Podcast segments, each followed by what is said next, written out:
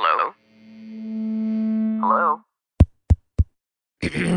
Podcast Network Asia. Lisir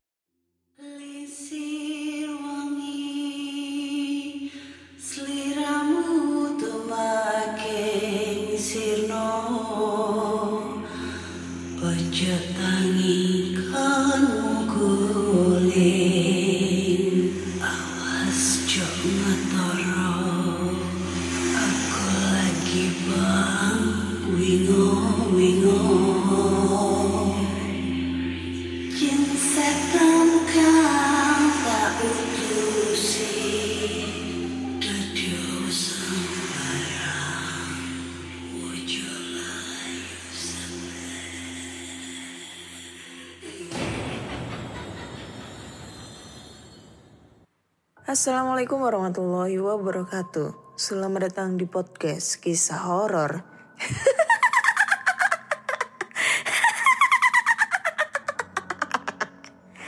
Ketemu lagi dengan aku Ana di sini yang akan membacakan cerita horor ataupun email berhantu yang sudah dikirimkan teman-teman melalui podcast kisah horor at gmail.com ataupun DM Instagram podcast kisah horor, DM Instagram Ana Olive serta Google Form yang linknya tersedia di bio Instagram podcast kisah horor. Ketemu lagi di episode 110. Oke, sebelumnya aku mau minta maaf buat teman-teman semua. Seharusnya di episode 110 ini bakal tayang di hari Kamis seka eh kemarin. Tapi karena ada suatu kendala eh, sibuk dengan kerjaan sampai lupa, akhirnya capek, ketiduran, akhirnya baru sempet eh, upload atau mungkin perbaruan episode di hari Jumat ya. Jadi harap dimaklumin yang kemarin nge DM DM ke episode terbaru kok belum muncul. Ya baru muncul sekarang. Kemarin sibuk. Hehe. Terus bagaimana kabar kalian? Seperti biasa aku pasti bakal nanyain tentang kabar kalian ya. Semoga kalian sehat selalu. Terus dijauhkan dari penyakit, dijauhkan dari covid. Semoga yang lagi positif semangat untuk menjalani supaya negatif. Sehat-sehat terus, jangan lupa banyak minum vitamin, pakai masker, cuci tangan, dan jaga jarak ya.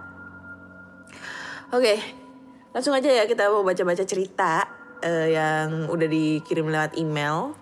Dan cerita pertama ini datang dari siapa ini ya? dari Bayu. Oke. Assalamualaikum Kak Ana. Semoga sehat selalu dan lancar selalu rezekinya. Amin. Saya Bayu. Setelah cerita pertama saya yang masih kurang rapi karena masih belajar menulis, kali ini saya memberanikan sendiri men- mengirimkan cerita kedua saya. Cerita kedua ini datang dari bapak saya yang bekerja di rumah sakit di daerah Pondok Indah, Jakarta Selatan. Langsung aja masuk ke ceritanya. Jadi, seingat bapak saya ini terjadi pada tahun 90-an. Bapak saya mempunyai tugas jaga malam di rumah sakit. Saya dipanggil oleh pihak rumah sakit pada malam itu untuk bergantian shift jaga malam menyiapkan peralatan untuk operasi. Jadi pada tahun itu pihak rumah sakit menjemput karyawannya memakai mobil ambulans. Seberapa seremnya dijemput dari rumah dengan mobil ambulans? Kalau saya pikir, tapi saya pikir demi efisien dalam pekerja mungkin dan posisi menyiapkan alat operasi ini cukup vital menurut saya pada tahun itu. Dan sempat diceritakan setiap dijemput ambulans dari rumah sakit, dikira tetangga ada yang meninggal atau apalah. Padahal mau jemput bapak saya. Singkat cerita sudah sampai rumah sakit. Ketika bapak saya sedang bekerja di ruangannya sendirian, karena pada hari itu hanya bapak saya seorang di jadwal, tiba-tiba hal aneh terjadi. Tapi dibilang nyata atau bukan, memang bapak saya yang merasakan waktu itu. Tiba-tiba AC ruangannya sangat dingin sekali. Perkiraan jamnya seingat bapak saya yaitu jam satu malam dan ruangan kerja bapak saya dekat dengan kamar mayat. Ketika bapak saya merasakan hal aneh seperti AC yang terasa sangat dingin dan lampu yang mulai berkedip sendiri, bapak saya seperti merasakan sedang ada yang mengawasinya bekerja kala itu.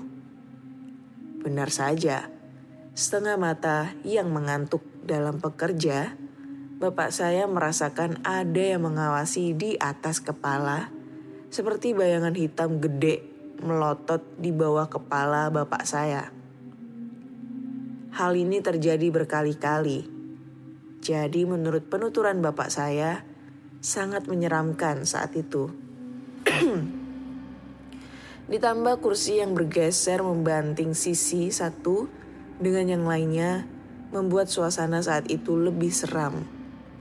Sebelum tadi dan lebih parahnya banyak alat yang berjatuhan ke lantai. Lalu bapak saya mengatakan sesuatu. Sudah, jangan ganggu di sini. Saya cuma ingin bekerja.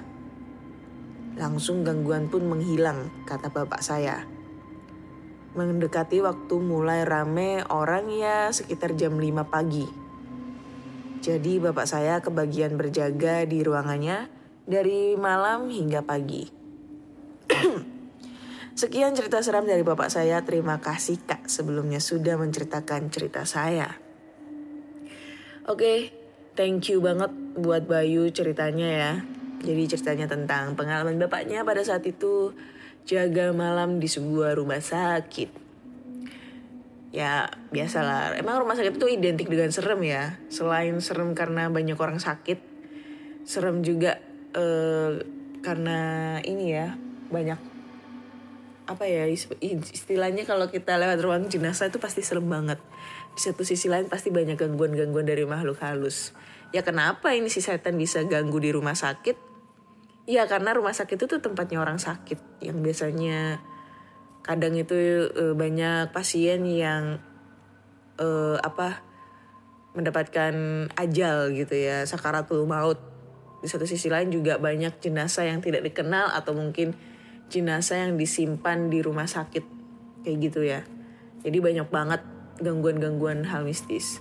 Nah, kalau sampai ini setan udah sampai uh, menjatuhkan barang atau sampai membanting itu sebuah kursi berarti ini kekuatannya apa energinya si makhluk halus itu udah gede banget sampai bisa menggerakkan suatu barang kayak gitu ya ibaratnya ini gangguannya udah ekstrim banget dan harus hati-hati juga tapi kadang itu mereka kayak ngasih suatu tanda dengan menjatuhkan barang atau suara-suara itu lebih ke caper biasanya cari perhatian. Kalau menurutku sih kayak gitu ya.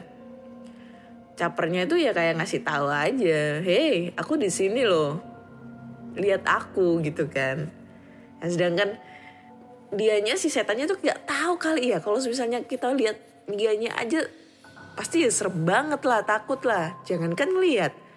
Kalau ngedenger suara atau ngelihat barang jatuh aja udah takut setengah mati. Apalagi lihat sosoknya kayak gitu kan.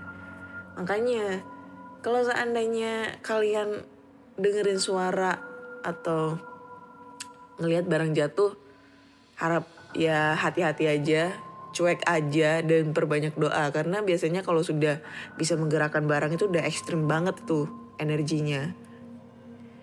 Dan sumber kekuatan dari makhluk halus tersebut itu ya dari ketakutan kita. Jadi ya jangan takut karena kan uh, derajatnya manusia tuh kan lebih tinggi dibandingkan jin. Kayak gitu. Jadi ya usah takut lagi ya. Oke. Okay. thank you Bayu buat ceritanya sekali lagi. Dan next kita lanjut aja ke cerita berikutnya ya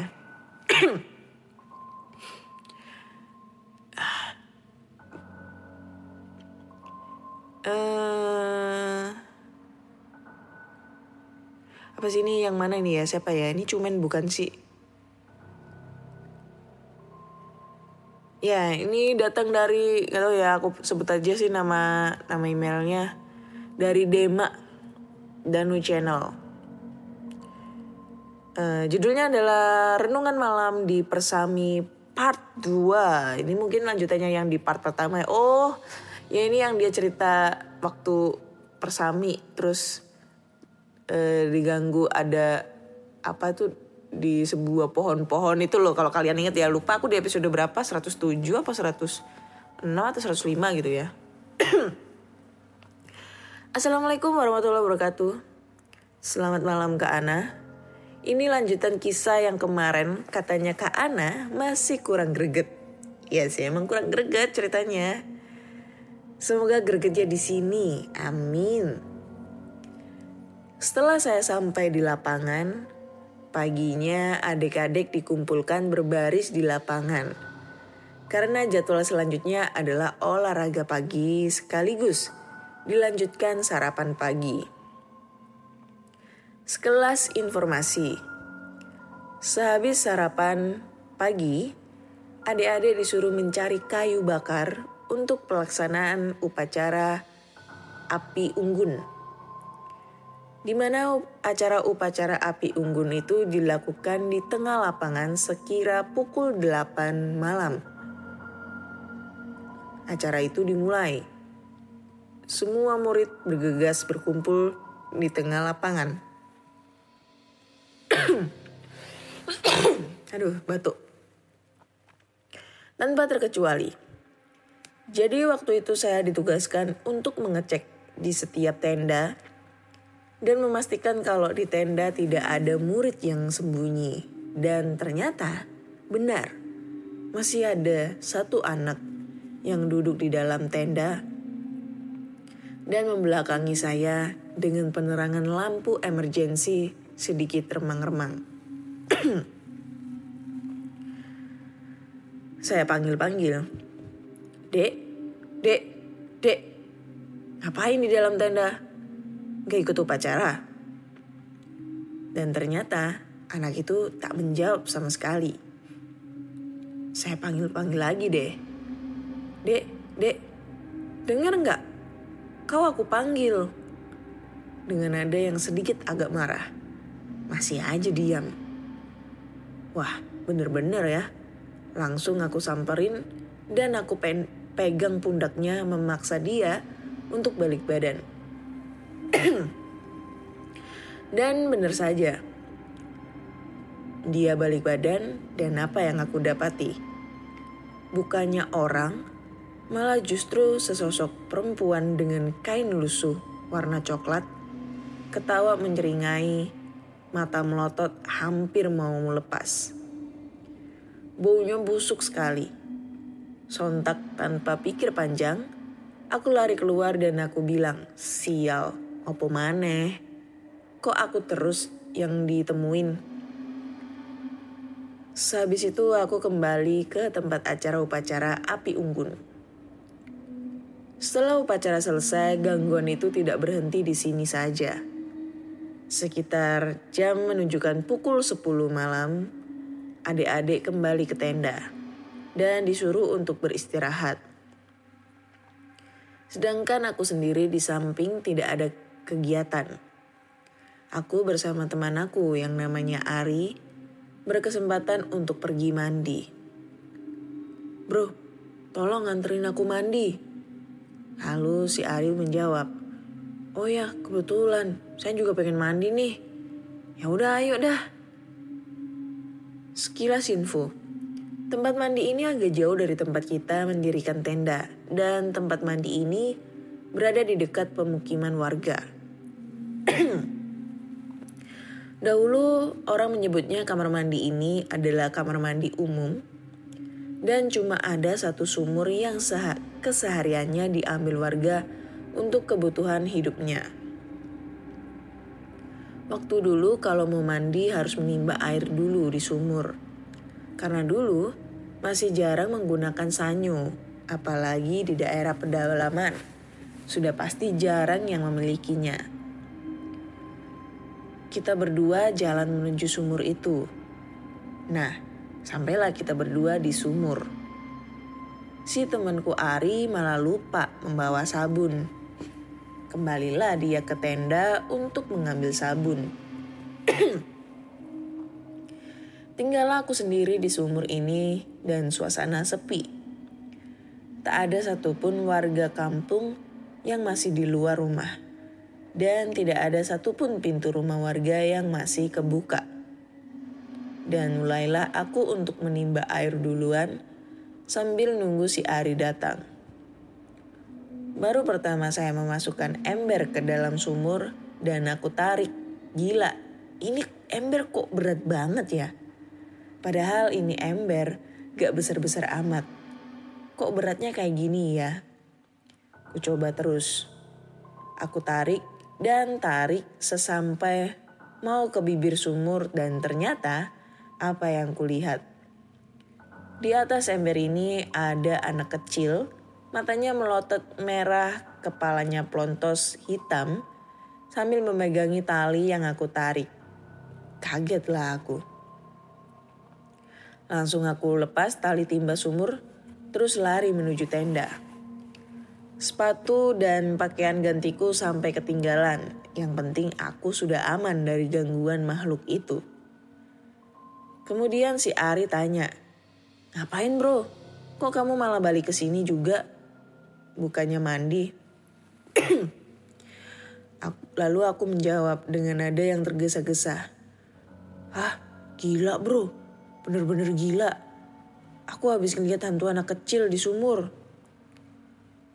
Baru ngim, baru ngambil satu timbaan, sosok anak kecil itu nangkring di ember.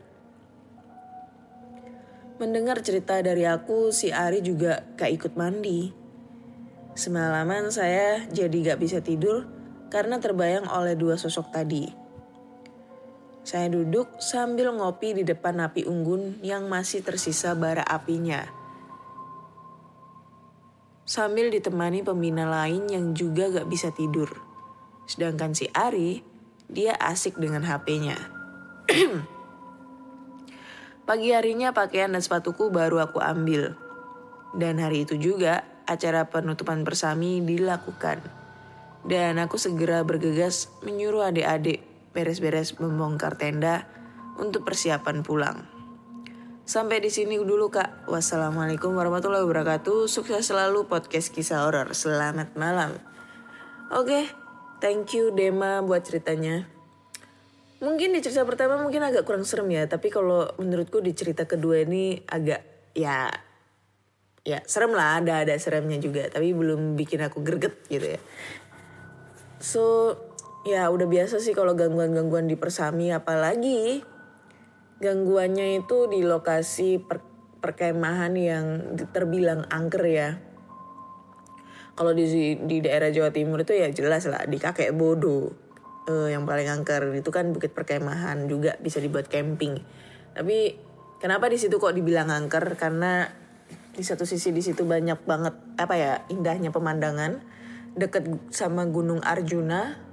Terus di satu sisi lain di situ juga ada makam Mbah kakek bodoh. Ya itu yang bikin jadi serem ya. Terus ya udah ya, biasa sih. Banyak banget sih cerita-cerita dari teman-teman PKH yang ceritanya tentang persami ya diganggu pas persami. Jadi menurutku ya udah menjadi makanan sehari-hari gitu kalau misalnya uh, kita diganggu pas persami. Mungkin karena faktor nggak uh, izin dulu gitu kan. Bisa jadi kan karena alam bebas ya alam bebas. Sedangkan alam bebas itu biasanya lebih banyak penunggunya dan ya ibaratnya kayak harus kita harus izin dulu doa dulu apa segala macam kalau seandainya kita izin bah eh, nggak lah. Hanya dalam arti izinnya dalam arti kita berdoa gitu kan.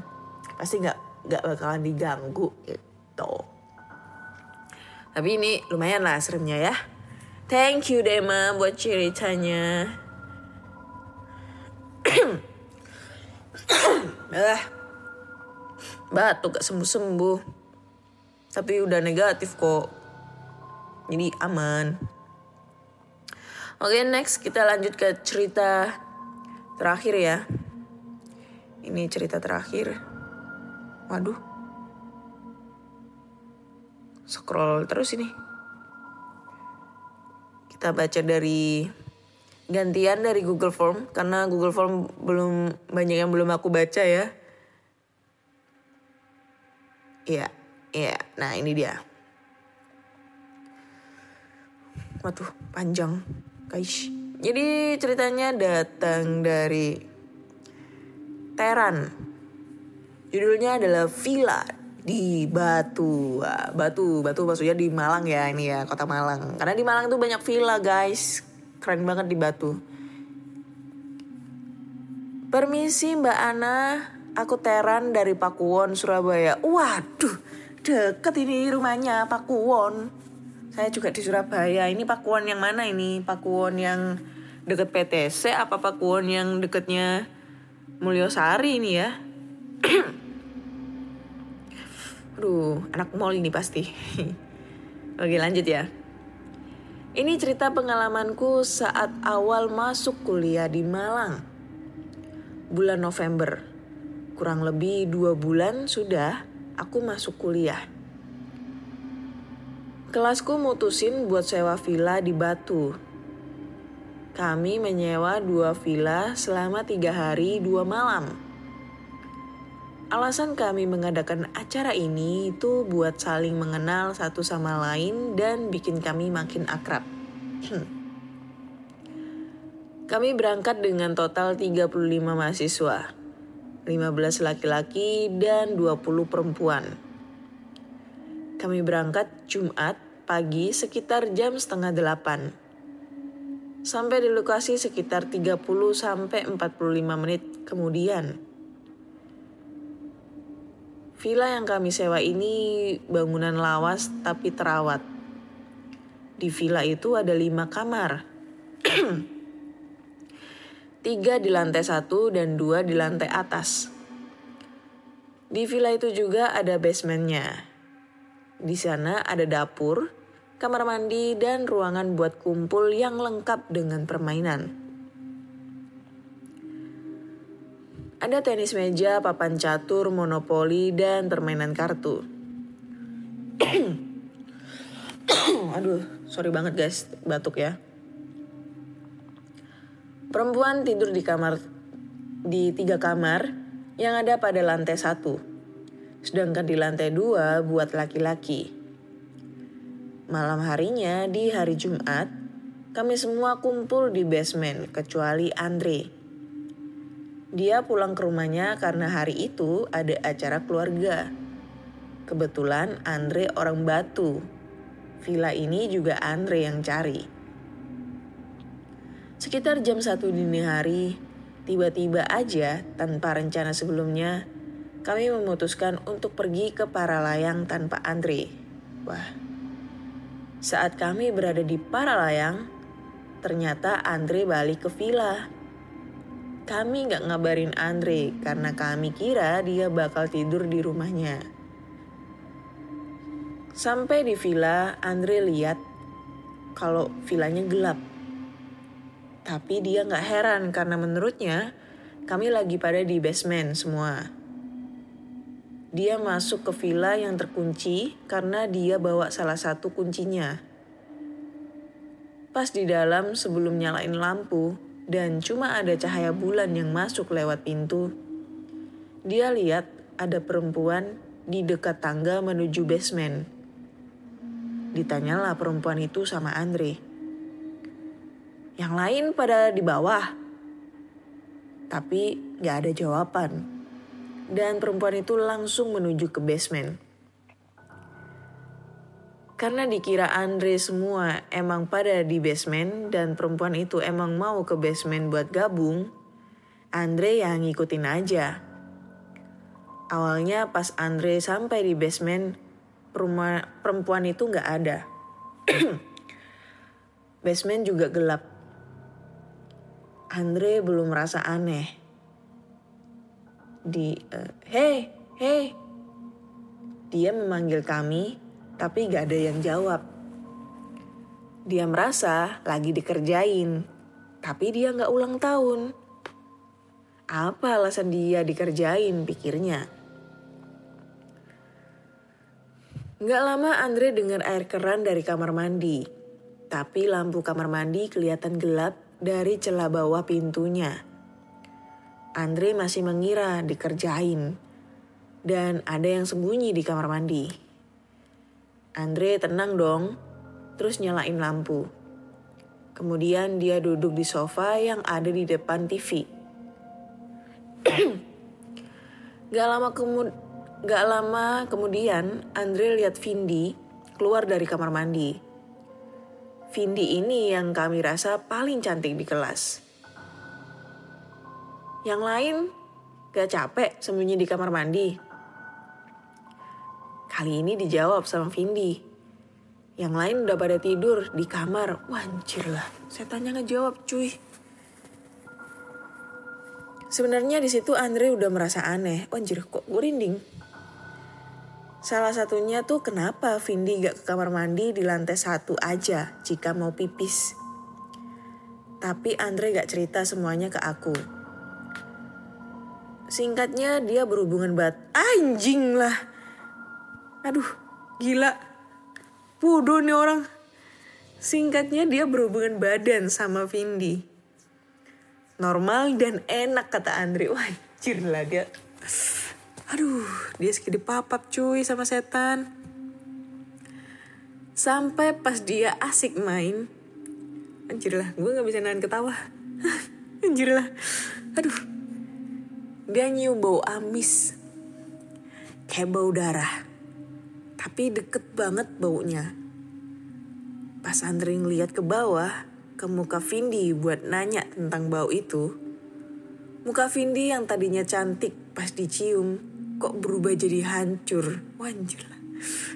Kata Andre dia lihat darah yang keluar dari mata Vindi. Pas dilihat, itu Vindi senyum-senyum. Entah menghina atau keenakan. Tapi menurut Andre itu menakutkan. Saat itu Andre terpatung untuk beberapa saat anjir gak buat ketawa gue anjir. Aduh, aduh, aduh. Anjir, sebentar, sebentar. Bayanganku udah aneh-aneh ini ya.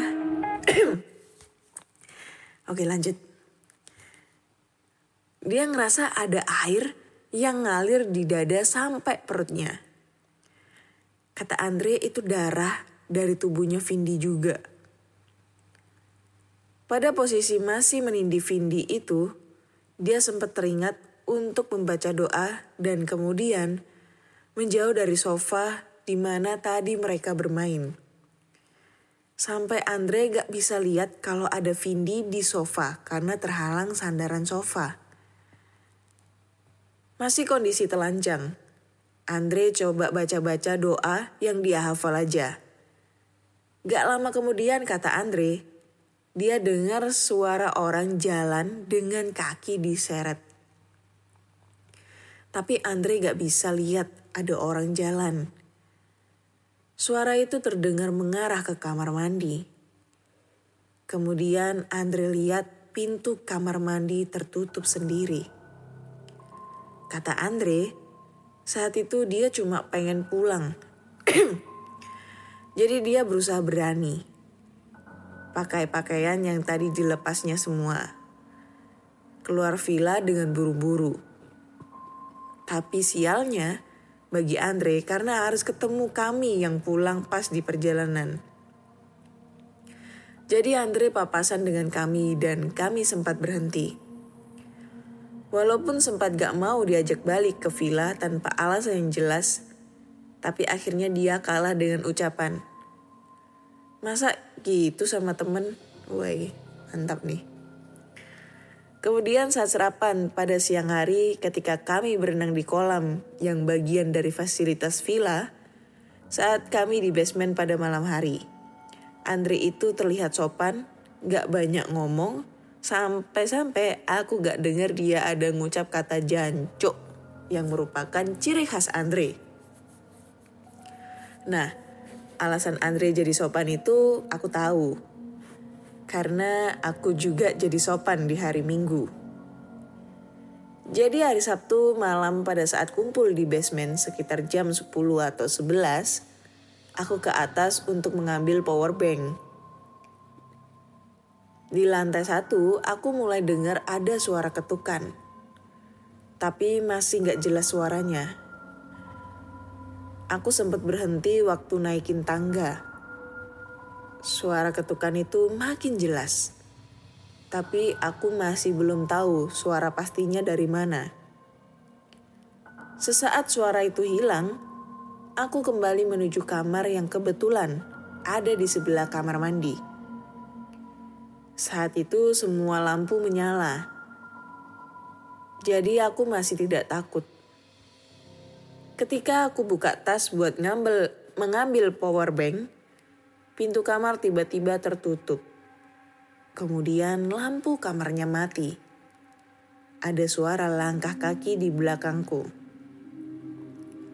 Aku sempat menyalakan senter dari HP-ku. Saat balik badan, ada manusia yang berdiri tepat di hadapanku. Karena gelap, jadi ku arahkan senter HP-ku ke dia. Saat itu tepat di depanku, wanita berdiri di hadapanku kurang lebih 165 sampai 170 cm tingginya. Karena semataku tinggi warna tinggi wanita itu. Wanita dengan darah yang keluar dari mata kirinya. Tengkorak yang hancur di jidat kirinya. Seperti seperti terkena hantaman benda tumpul yang sangat keras. Wanita itu tanpa busana dengan beberapa bekas tusukan pada dada dan perutnya. Kaki kanannya patah di antara tulang keringnya Sepertinya wanita itu berusaha berinteraksi denganku. Namun, aku tidak mengerti apa yang dibicarakan karena suaranya hampir tidak keluar akibat pita suaranya yang terputus karena ada bekas sebilahan di tenggoroknya. di dalam ketakutan itu, untunglah temanku datang karena aku terlalu lama. Sudah giliranku bermain tenis meja. Wanita itu menghilang sesaat aku mendengar suara pintu yang dibuka temanku. Aku tahu cerita Andre karena aku memintanya cerita tentang apa yang terjadi saat dia di villa sendirian sedangkan kami di Paralayang. Teman-teman kelas yang lain tidak ada yang tahu dengan kejadian malam itu. Kurasa Andre merahasiakannya karena dia malu. Terima kasih ya Kak Ana udah dibacain pengalamanku dan aibnya Andre. Wanjir lah. Thank you. Siapa namanya tadi? Teran ya? Oh ya, Teran. Teran. Eh namanya keren lah, Teran. Buat ceritanya ya, wanjir lah. Cerita aib temennya nih diceritain. Anjir. Keren, keren, keren, keren. Sempet merasa membuat aku merinding ya. Aduh, di, di Batu ya. Aku belum pernah sih nyewa villa di Batu yang fasilitasnya keren banget ada basementnya segala ya ada tenis meja ada kolam renang aduh sorry batuk. Terus ada juga uh, apa tadi? Ya pokoknya lengkap banget lah. Uh, ini fasilitasnya ya. Kalau aku biasanya dulu di Batu itu cuma sekali aja sih nyewa villa tapi villa biasa yang kayak rumah biasa gitu di daerah Songgoriti gitu kan. Kebetulan waktu itu kan aku nyewa villa karena bingung mau cari hotel di sana itu udah pada full semua karena emang Batu itu kan terkenal dengan tempat wisata ya. Kalau kalian pernah ke Batu tempat wisata Batu tuh aduh keren banget sumpah. Apalagi ke Paralayang. Aku udah pernah ke Paralayang tuh jam 2 malam. Kerasa banget dinginnya kayak gimana gitu loh. Apalagi ke sana kan sama mantan ya. Aduh jadi keinget masa lalu. Jadi uh, kalau kalian ke sana itu mending enaknya ke tempat wisata tuh malam. Jadi jam sebelasan jam 10 itu ke alun-alun batu dulu nikmatin gurita bakar ya kan? Terus ngeliat uh, nikmatin musik ya akustikan di sana di kafe-kafenya. Terus jam 12 malam itu ke Paralayang. Wah rasakan sensasinya dinginnya di sana. Keren sumpah. Terus ini ceritanya tuh keren banget ya tentang pengalamannya si temennya termasuk dia juga ada pengalaman tapi nggak begitu ekstrim. Yang lebih ekstrim nih temennya ya. Sampai sempet sempetnya dia tuh uh, berhubungan badan gitu loh sama sama si cewek ini si setan ini ya yang menyerupai temennya.